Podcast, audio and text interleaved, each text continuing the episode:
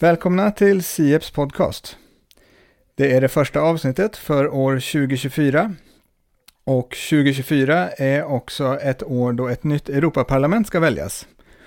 Och svenskarna går till valurnorna den 9 juni. Och I dagens avsnitt så ska vi prata lite mer om hur svenska nyhetsmedier har förberett sig inför valet och vidare om hur EU bevakas, granskas och skildras i svenska medier. Jag minns själv från min journalistutbildning för ganska många år sedan att man sa att EU är underbevakat och det är något man hör upprepas ganska ofta. Sett från Sieps sida så, så kan man lätt uppfatta det så också eftersom att vi ofta vill ha mer av Europa överallt. Eh, men nu ska vi se om det ligger någonting i det. Det kan ju vara så med sådana här grejer som man hör upprepas att, att man glömmer bort att ifrågasätta det.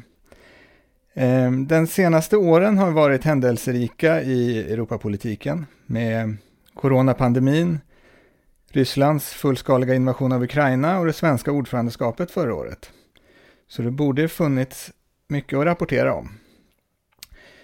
Jag heter Gustav Olsson och jag leder det här avsnittet på egen hand eftersom min kollega Karin Flordal har dragit på sig en förkylning.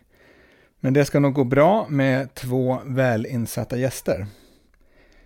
Sigrid Melchior, du är frilansjournalist och bevakar EU på plats i Bryssel för DNs räkning.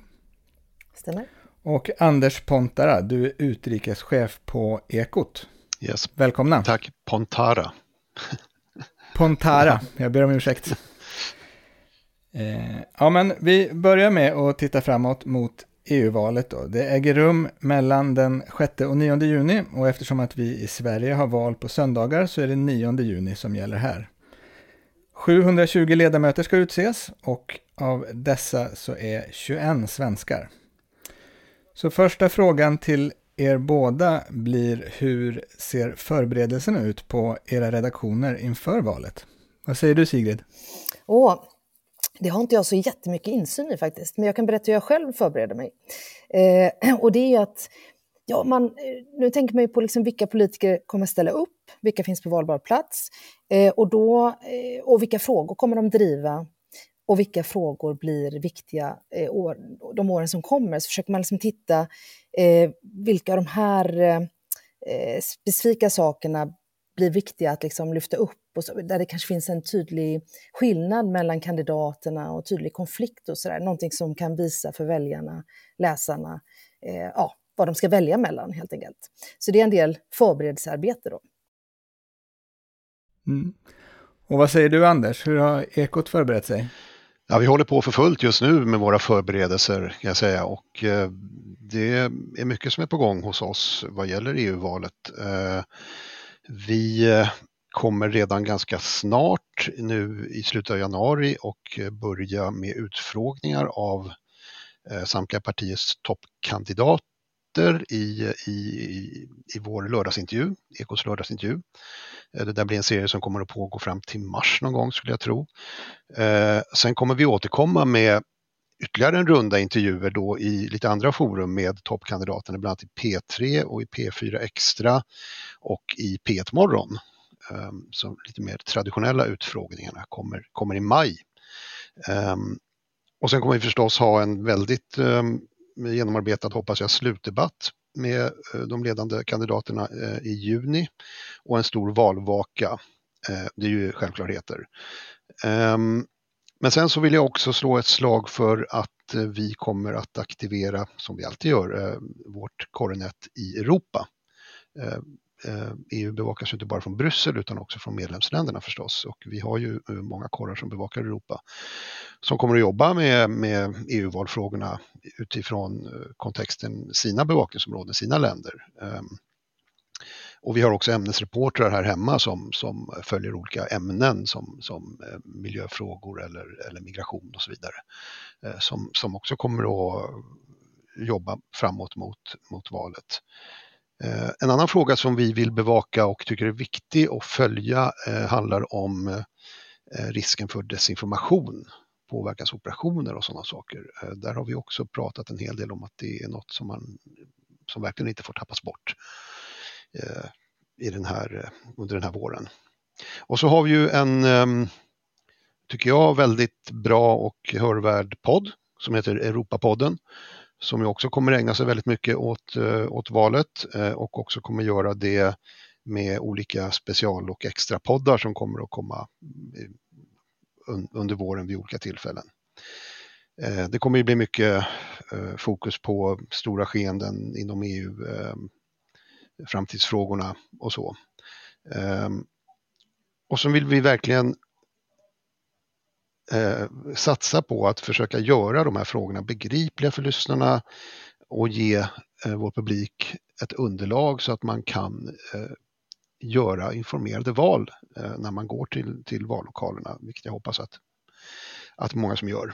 Um, och det här betyder också att vi kommer att ha granskningar, eh, olika former av ansvarsutkrävande intervjuer, eh, men också eh, försöka göra reportage och eh, journalistik kring olika sakfrågor som, som, som är viktiga att fokusera på, tänker jag, också under det här halvåret. Så det, det är mycket som, som är på gång och som vi håller på att sammanställa just nu och eh, projekterar för framåt här. Mm. Mm. Intressant. Eh, bevakningen beror ju förstås mycket på när valrörelsen kommer igång och hur het den blir och hur när så att säga kandidaterna och partierna drar igång. Hur ser det ut där tycker ni? Är det, eh, lite sent ute kanske, eller? Borde det inte vara igång vid det här laget? Men så är det, säger du, så är det alltid med EU-parlamentsval, att det är, det är liksom ett eh, mindre viktigt val för partierna och för läsarna och sådär. Att, ehm, så att det brukar komma igång senare, helt enkelt.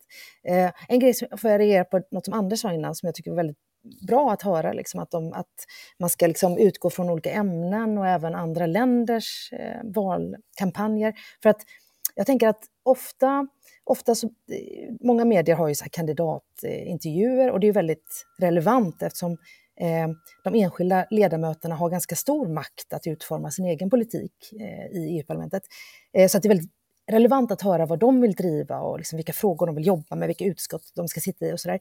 Eh, men ibland tänker jag att vi gör det, eh, vi måste också eh, liksom, ha en egen, alltså ställa frågor om det som vi tycker är viktigt, inte bara låta dem berätta vad de själva vill driva. Och då är det väldigt, då är det en väldigt bra grej att kolla också på andra länders valkampanjer, för det kan vara helt andra frågor som kommer upp där. Och då kan man liksom, ja, eh, ha en lite mer egen nyhetsvärdering när man pratar med sina, eh, våra svenska kandidater helt enkelt. Eh, så det tycker jag lät mm. väldigt bra, liksom, att ha med det också. Mm. Ja, intressant. Är det, har du, är det, brukar det vara stora skillnader mellan vad vi i Sverige pratar om inför valet och om man säger, självklart är det olika i andra länder, men om man säger våra grannländer och, och sådär, hur, har du någon idé om det? Ja, jättestor skillnad tycker jag. Och det, det är svårt att sia om på förhand, utan det, just eftersom det är ett eh, eftersom det är mindre bevakning om eh, e EU-processerna än de helsvenska politiska processerna och det är mindre, vi vet mindre om de här politikerna, så, så, så är det då, de har större utrymme att själva berätta mm, att liksom det här valet handlar om den här, min hjärtefråga. Eh, och vi är lite mindre kritiska när det gäller det eh, än liksom, i svenska riksdagsvalet skulle jag säga. Och det gör att eh, ja, det kan, ett val kan handla om eh, den här kolklimpen som de visade i en debatt. Mm. Och då, då, hamnar, då handlar valet om det, eller om fiske eller om abort. Och det, det, det är väldigt, det är ganska, kanske, ibland kan det vara lite slumpartat. Ibland är det en ledamot som själv driver någonting. Eh, och ibland är det någon granskning och ibland är det någon inrikespolitisk fråga som avgör det. Och det ser olika ut i olika länder. Så att, eh, men, eh, och det visar just hur, eh, lit, alltså hur, hur många frågor vi inte pratar om i varje val. Och, och det här är inte bara i Sverige, utan det är alla EU-länder. Och därför kan man då få inspiration då från andra länder.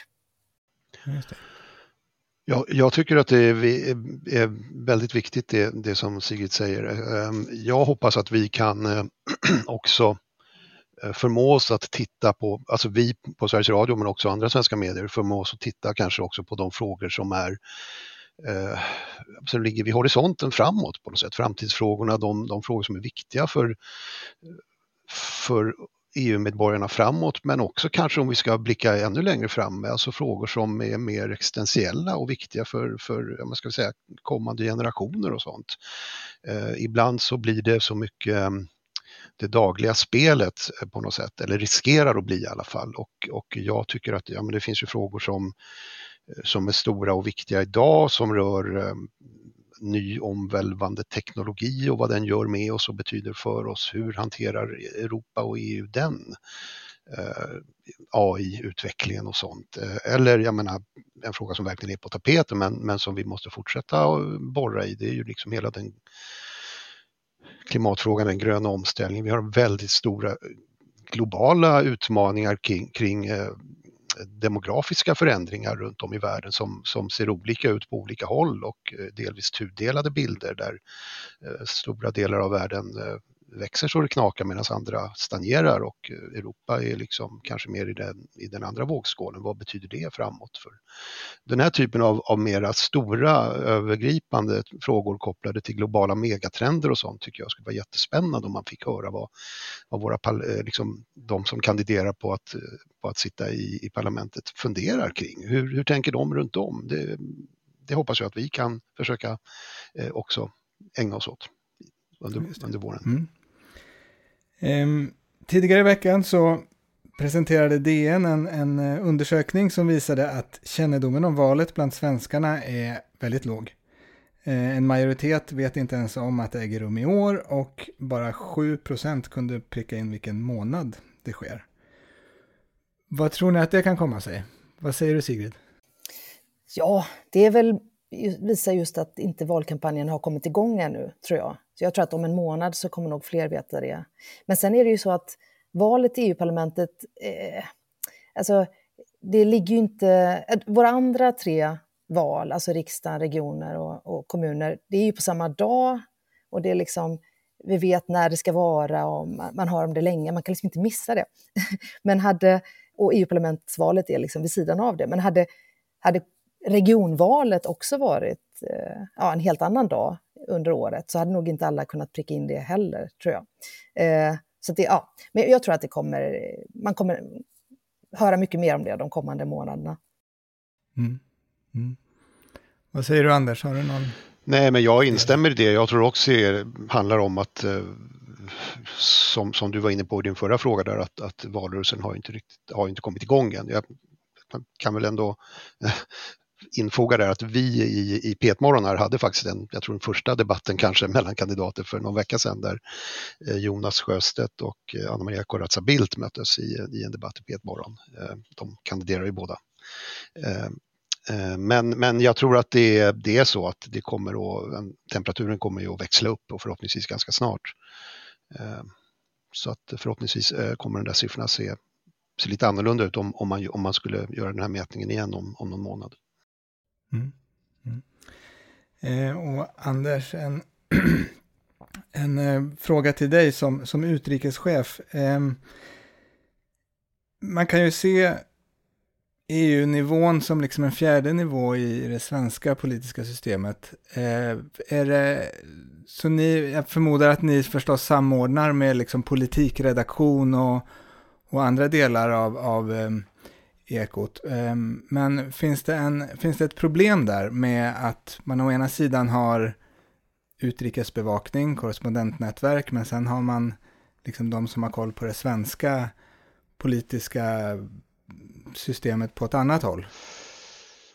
Um, Nej, ja, ja, säga. Uh, det, det, det ska det ju helst inte göra. Det ska ju inte finnas ett problem där. Det är ju bra. Jag menar, EU finns ju i Bryssel och, och i Berlin och i Paris och, och, i Riga och i Stockholm och i Gävle. Så att, så att eh, in, reportrar som, eh, som är korrar, eh, utrikes, utrikeskorrespondenter, måste ägna sig åt EU-frågor och reportrar som arbetar i Sverige måste också kunna och ägna sig åt EU-frågor. Eh, och där tycker jag att vi, där tror jag generellt kanske att svensk media har en del kvar eh, när det gäller att ta hem EU-frågorna eh, liksom till inrikesbevakningen. Eh, det, mm. kunskaperna och resurserna kanske inte alltid finns där riktigt. Det, det tror jag man ska vara självkritisk nog och, och medge och jag tror att Sveriges Radio också har, har vi, det finns mer för oss att göra där också, men vi pratar mycket om det här och vi, vi vill försöka åstadkomma en, en liksom adekvat och god eh, bevakning också av EU ur en svensk alltså kontext. Eh, hur landar EU-frågorna här hemma och de är ju så otroligt viktiga. Jag menar, är det 40-50 procent av all lagstiftning vi har i Sverige som på något sätt är påverkad av, eh, av EU och, och, och, beslut som fattas i, i Bryssel och Strasbourg. Eh, eller något sånt och det, det, måste man komma ihåg. Så att, jätteviktigt att, att vi både liksom med vår arbetsledning och, och vårt, våra samtal med korrespondenter kopplar ihop det med hur vi inrikes, med inrikesreportrar och, och den delen av, av redaktionen eh, arbetar med frågorna. Får jag säga, jag som ser det här från, från Bryssel och sett liksom utvecklingen över tid, är att jag tycker att bara de senaste åren så tycker jag att vissa redaktioner har blivit så otroligt mycket bättre på just det här. Att, eh, att fackreportrar, liksom väldigt specialiserade, duktiga politikreportrar hemma i Sverige även har med eh, e EU-nivån liksom, och följer vissa lagar som rör deras bevakningsområde. Och jag skulle säga speciellt eh, Sveriges Radio och speciellt inom klimatpolitiken, även DN, även andra redaktioner, alltså just klimat och miljöreportrar tycker jag har blivit så bra på att liksom, eh, ja, ta med EU-sidan av deras bevakning. Och det har liksom också underlättats de senaste åren av att eller kanske mest sedan corona, att väldigt många liksom presskonferenser och briefingar och allt möjligt sker nu också digitalt och man kan liksom ställa frågor, vara med. Och jag ser ju, jag som är ofta i rummet, ser ju vilka som kopplar upp sig på nätet. Och då ser man ju vissa mm. liksom, fackreportrar som eh, är med och bevakar lika mycket EU-sidan som hemmasidan. Då. Eh, och det tycker jag är väldigt positivt. Men det är inte, det är inte alla politikområden, men inom vissa. Och just miljö mm. då. Just det. Ja, intressant. Um, Tidigare år så har ju, och så kommer det vara i år också, kan man tänka sig att EU-bevakningen får en skjuts eh, när valet närmar sig. Det har vi varit inne på. Och, men sen så kommer det också en intressant period efter valet när det ska utses ny kommission och så vidare. Eh, är det risk att, att det här intresset som man jobbar upp under valet liksom eh, ebbar ut efteråt när det blir semestrar och men, men det intressanta arbetet kanske kommer igång på riktigt då? Vad säger du Sigrid? Ja, då blir det ju mer liksom, eh, nu kommer jag ha några månader av liksom, man pratar om politiska sakfrågor mycket. Och sen kommer ju hela det här makt, alltså, den delen av politiken som handlar om makt och liksom vem som ska samarbeta med vem och vad man får i utbyte och sådär. Och det är också, det är också politik, det är också väldigt spännande. Och där är också Sverige eh, alltså Sveriges regering, oppositionen, partierna har, spelar också en roll. Så att det ska man ju också bevaka. Och det är rätt spännande, tycker jag. Mm. eh, men är det svårare att bevaka den biten? Vad sa du? Är den biten svårare att bevaka? Eh, ja... Eller svårare att skapa intresse för kanske? Eh, Eller? Ja, kanske, eftersom det antagligen inte kommer vara så många svenskar som har de här huvudrollerna. Alltså det kommer inte vara en svensk som i kommissionens nästa ordförande eller Europeiska rådets nästa ordförande. Sådär. Ehm, men, eh, nej, men det är väl ändå spännande. Makt mm. och kohandel. Ja. Jag skulle väl kanske också säga att eh, möjligen beror, alltså där, din, din, fråga där om hur intresset kommer se ut eh, efter sommaren beror väl också till viss del på hur det går i, i det här valet och hur, hur det nya parlamentet kommer att se ut, förmodar jag. Mm. Just det. Um, jag tänkte att vi ska blicka lite bakåt också. Eh, på, vi har ju på Sieps pratat mycket i podden om det svenska ordförandeskapet som var under första halvåret 2023. Eh, Sverige höll en ganska låg profil, satsade på effektivitet snarare än pompa och ståt som eh, man skulle kunna göra. Det var möten utanför Arlanda och Eh, sådär. Eh, Sigrid, vad säger du om hur det var att bevaka det? Ja, eh, det skilde sig inte så mycket från vanlig bevakning, för det är inte som att Sverige har eh, Eh, liksom, våra intressen eh, blir viktigare eller att vi har mer att säga till om, utan eh, skillnaden är ju att det står en svensk på podiet och håller den allmänna presskonferensen efter varje ministerråd. Och, det gör ju liksom att ja, man kanske bevakade vissa sådana möten just för att det var en svensk minister. Men själva sakfrågorna har inte ändrats på något sätt. Ehm, Sen, sen håller jag kanske inte riktigt med om din beskrivning om hur det svenska ordförandeskapet var. Jag skulle säga att det är lite regeringens, det, det, det de ville, jag tror att de lite gjorde en dygd av en nödvändighet. Liksom.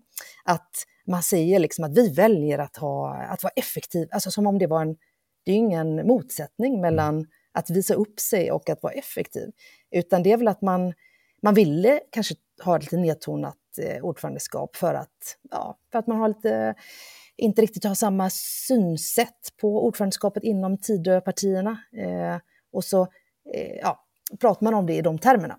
Eh, men eh, nej, bevakningen var, skulle jag säga var samma. Bara att det var lite kul att se svenskar på alla de här posterna. Mm. Mm. Vad säger du Anders, har, har du några?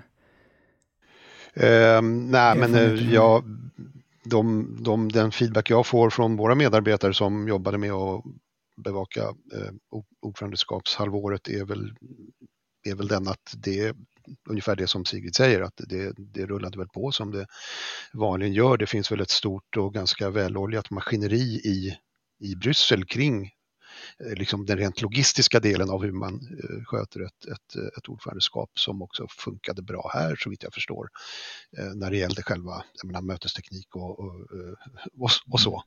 Så att det, på så sätt funkade ju bevakningen bra ehm, så att eh, de lärdomar vi har gjort som jag tycker är, med, eh, är, bra att ta med sig framåt nu in i den här bevakningen som kommer är ju mer internt hur vi, hur vi jobbade med våra interna processer kring planering och möten och samordning kring, kring eh, hur, hur reportrar jobbar på olika håll och sådär. Och där, där, där tror jag vi har, vi, vi har nytta av det också nu när vi, när vi eh, arbetar med, med, med bevakningen av EU-parlamentsvalet.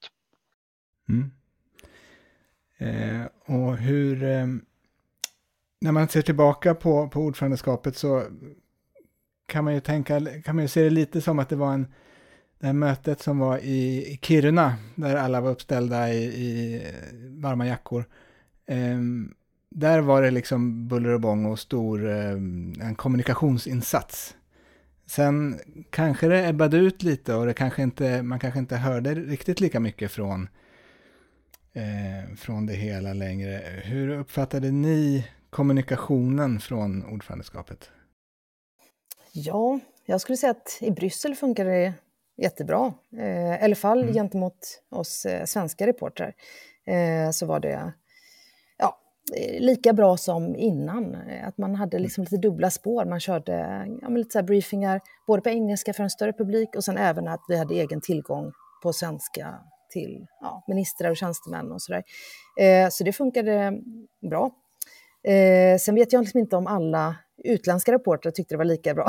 Det var en del som gnällde lite på just det här eh, att alla möten i, i Stockholm hölls på det här, eh, ja, ute vid flygplatsen och ja, mm. att det var lite tråkigt. Mm. Ja. Ja, vi har väl ungefär samma bild där också, att, att det, den, det, våra, det mina medarbetare säger, att eh, kommunikationerna med, med den svenska sidan har, har, har funkat bra. Och, och, men absolut, det här Kiruna-mötet var väl, var väl det stora marknadsföringsspektaklet.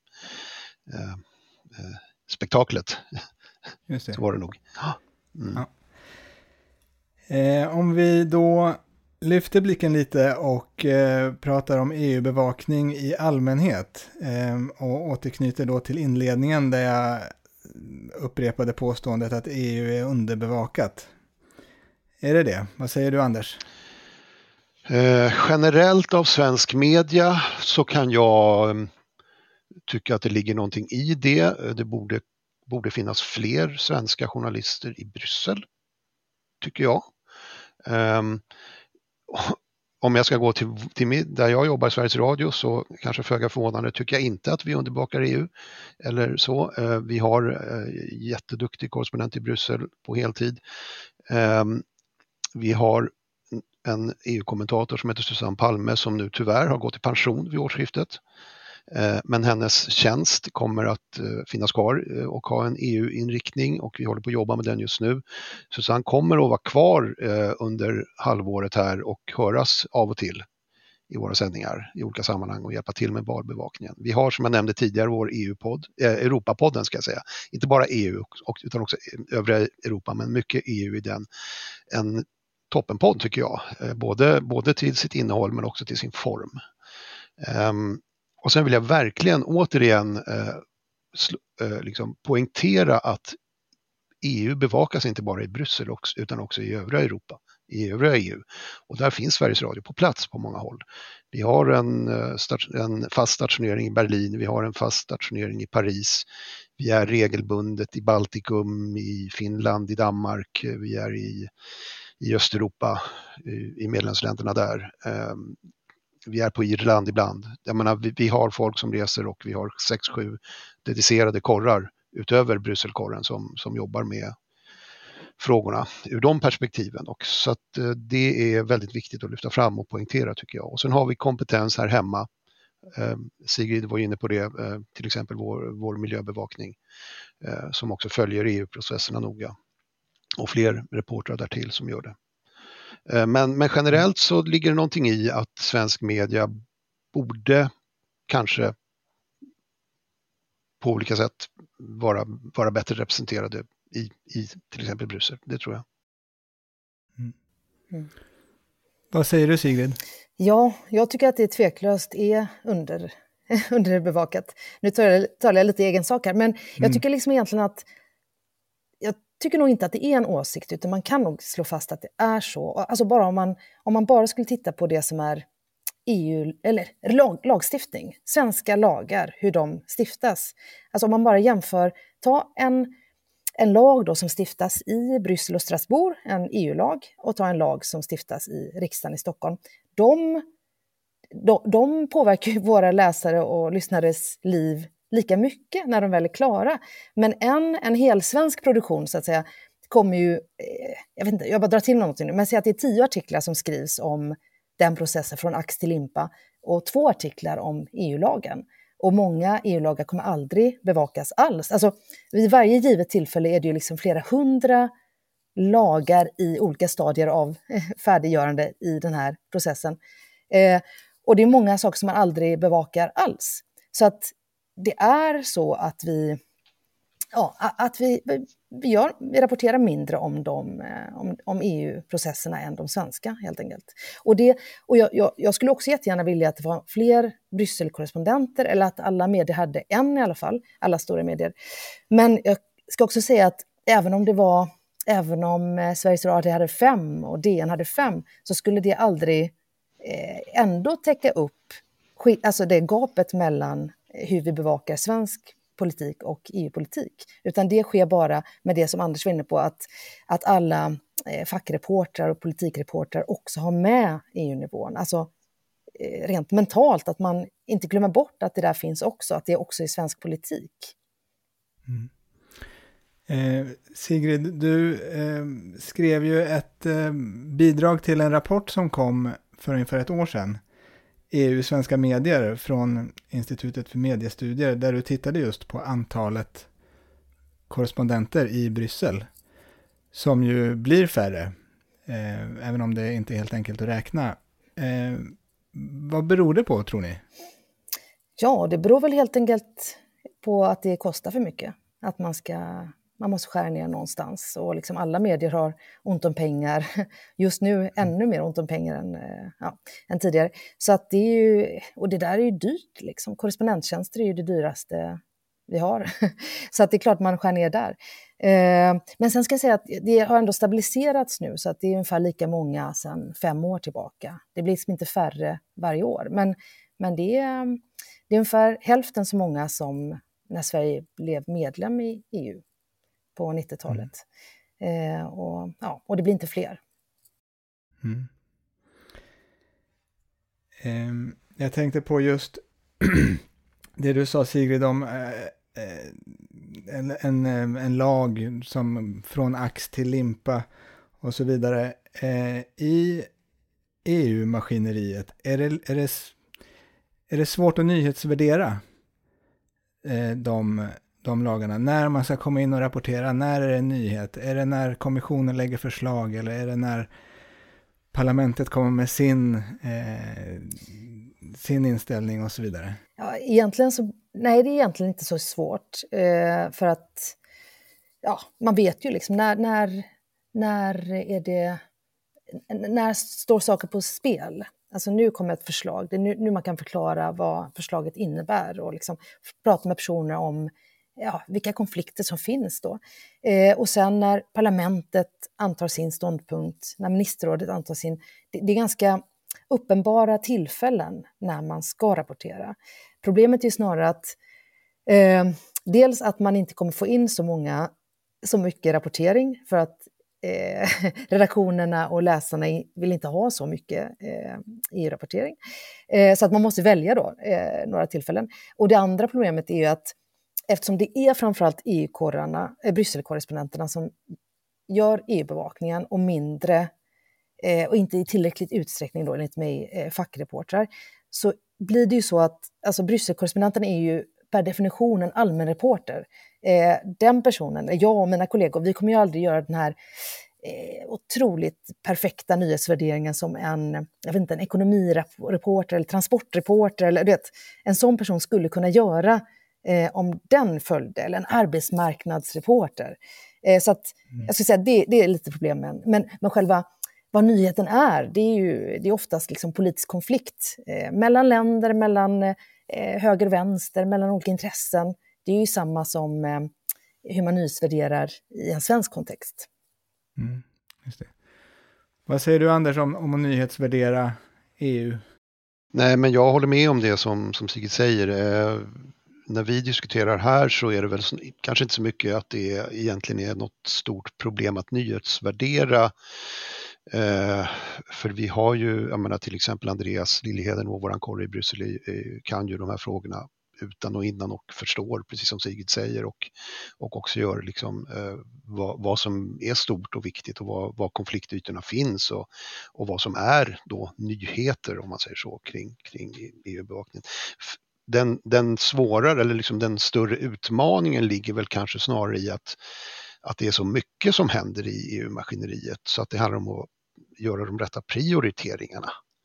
Eh, och där har vi ju hela tiden en levande dialog, i alla fall har vi den, den förmånen på vår redaktion att vi har en, en ordentlig organisation här hemma kring arbetsledning med så kallade utrikesdeskar som varje dag pratar med korrespondenterna och, och har en levande liksom, redaktionell journalistisk diskussion om vad ska vi satsa på idag, vad ska vi göra nu och sen så står naturligtvis alltid nyhetsdagen är alltid lite oskriven i början men, men många dagar så är det väldigt mycket som konkurrerar med varandra, inte bara EU utan mycket annat som händer i, på den här planeten också. Eh, så det är olika olika dagar, men, men den här prioriteringen som måste göras av väldigt många olika EU-frågor som är på tapeten, den, den är vi ganska duktiga på tycker jag att, att ändå kunna göra med hjälp av, av kunniga korrespondenter och så. Eh, så det är väl där det, det som, som liksom arbetsdag eller vardagen hos oss eh, kring, kring nyhetsvärdering och, och så mycket, mycket ligger, eh, skulle jag mm. säga. Mm. Ja. Um, är det, um, om vi är hyfsat eniga då ändå om att, om att EU är underbevakat, det har sina skäl, det är resursbrist och det är också brist i utrymme i, på, i spalter och i eten. Men, men hur, eh, hur kan det bli bättre då? Kan vi, har ni några förslag på vad... Ja, gör, gör som Sveriges Radio, satsa. Såklart ja. Men jag tycker att någonting som Sveriges Radio gör, som du var inne på Anders, det här med Europapodden och liksom, det är en, jag tycker att det funkar så himla bra. Och jag tycker att i vissa frågor, alltså, jag ser det också på DN ibland, att det eh, när man just knyter ihop olika korrespondenter kring en fråga som har någon slags EU-dimension, det blir ofta väldigt bra. Det är väldigt intressant att veta hur pratar tyskarna om den här, eh, jag vet inte, EU-stöd till Ukraina, hur pratar fransmännen om det? Alltså det, det, det, kan funka väldigt bra när man knyter ihop det på det sättet med korrespondentnätverk faktiskt. Men jag skulle säga att gener, alltså, vad, det här, eh, vad man kan göra är ju att, alltså, det, det är ju, tror jag, att man... Ehm, jag tror att det, det stora problemet egentligen är nog att de allra flesta, vi alla i Sverige, och både politiker och medier och vanliga nyhetskonsumenter, att vi inte riktigt har eh, tagit in eller förstått att en ganska stor del av vår svenska demokrati ligger på den här EU-nivån. För om vi verkligen känner det och förstår att det är en ganska, det är en ganska stor del av vår lagstiftning som eh, sker där, då följer resten ganska automatiskt. Då kommer man kräva en bevakning, man kommer bli intresserad av det. Men jag tror att det är liksom ett mentalt skifte som fortfarande inte har skett. Eh, och inte bara i Sverige, det är i många EU-länder faktiskt. En annan sak som jag tänker på, för att journalistik är ju så mycket, alltså det handlar ju också om att ska man, ska man skapa ett intresse så måste man förstås vara på plats, man måste satsa. Men det handlar ju också om vilka som är korrespondenterna och reportrarna. Vi behöver ju också ha goda berättare. Vi måste ju berätta om EU på ett sätt som gör att människor tycker att det är spännande att ta del av berättelserna. Därför lyfter jag till exempel gärna fram just den här Europapodden som vi har som jag tycker jobbar mycket med form och ett, och ett tilltal och, och, och som blir spännande och också ofta rolig att lyssna på även om den också mm. förstås går på djupet. Och den där dimensionen ska man nog inte glömma bort. Jag menar, många tror jag upplever kanske rätt eller fel, eh, möjligen fel, men ändå att EU är är formellt och byråkratiskt och, och det är regler och snårigheter men då måste man hitta sättet som gör att man berättar om den här otroligt viktiga organisationen på, på, ett, på ett sätt som blir tilltalande. Mm. Så det handlar ju också om det, om vårt språk, om, om form, om, om hur vi levandegör den här, de här frågorna. Det, det är också viktigt att tänka på. Mm. Lite med tanke på det så, så, tycker jag ibland att det är som att det, det, är alltid en viss eh, startsträcka i en, när man ska berätta om EU. Att om man ska berätta om migrationspakten, var befinner den sig? Det är, det är ett förslag här som har tyckts till där och som nu ligger här. Och sen, och vad händer sen då? Att, att det är lite, man måste förklara institutionernas roll och sånt där lite nästan varje gång. Mm. Hur upplever ni det? Ja, men så är det ju. För att man kan inte utgå från att, jag kan inte skriva i en text, ministerrådet, eh, någonting. Jag kan inte utgå från att alla vet vad det är för någonting, utan man måste, man måste förklara väldigt grundläggande saker, de här tre lagstiftande institutionerna, vilken roll de har och sådär. Eh, det kommer man liksom inte runt. Sen efter ett tag kan man hitta formuleringar som gör ja, effektiva formuleringar som är så lite tråkiga som möjligt. Men eh, nej, det, det, går inte att komma runt det, liksom, att man måste förklara ganska grundläggande saker. Och det gör att texterna mm. tyngs ner och känns tråkigare, fast de inte skulle mm. behöva vara det. Mm. Det är en viss skillnad från att rapportera från riksdagen till exempel, som man tar för givet att alla vet att riksdagen stiftar lagar. Ja, precis. Vad, vad säger du Anders, har du någon idé om hur? Nej, men eh, absolut, det är klart att eh, ofta handlar EU om det, att, att förklara de här institutionerna och hur processerna går och var frågorna finns och befinner sig. Men, men vad jag menade tidigare var också att eh, EU är, är så mycket mer än, än det. Det är också hela, det är alla medborgarna, det är alla människor som berörs av, av, av det som händer och, och det är ämnesfrågorna, sakfrågorna som, som kan skildras på jag menar, Sigrid behöver skildra dem på sitt sätt från Bryssel förstås, därför att eh, hon bevakar processerna där, men andra reportrar kan, kan liksom göra annat och, och komma, komma människor nära och ta ut de här frågeställningarna och beskriva dem konkret. Hur, hur påverkas den här personen i, i Tjeckien eller, eller i, på Irland eller i Marseille. Jag menar, det, det, det, finns många tillämpningar kring EU som, som vi borde jobba mer med tror jag inom svensk media därför att, så att vi levandegör eh, konsekvenser och utmaningar och vilka frågor som är viktiga för människor i unionen. Mm. Mm. Mm. Ja, eh, EU är sina medborgare. Det var väl ett bra sätt att runda av här tycker jag. Eh, vi kan avslutningsvis säga att vi på Sieps eh, kommer förstås hålla ögonen på EU-valet framöver, bland annat genom en radda seminarier under våren och eh, den som prenumererar på vårt nyhetsbrev och håller koll på sieps.se missar ingenting. Eh, på vår sajt kommer vi också länka till den här rapporten från Institutet för mediestudier som jag nämnde tidigare. Och med det så tackar jag dagens gäster Sigrid Melchior från Bryssel och Anders Pontara från Radiohuset. Tack. Tack. Tack så mycket.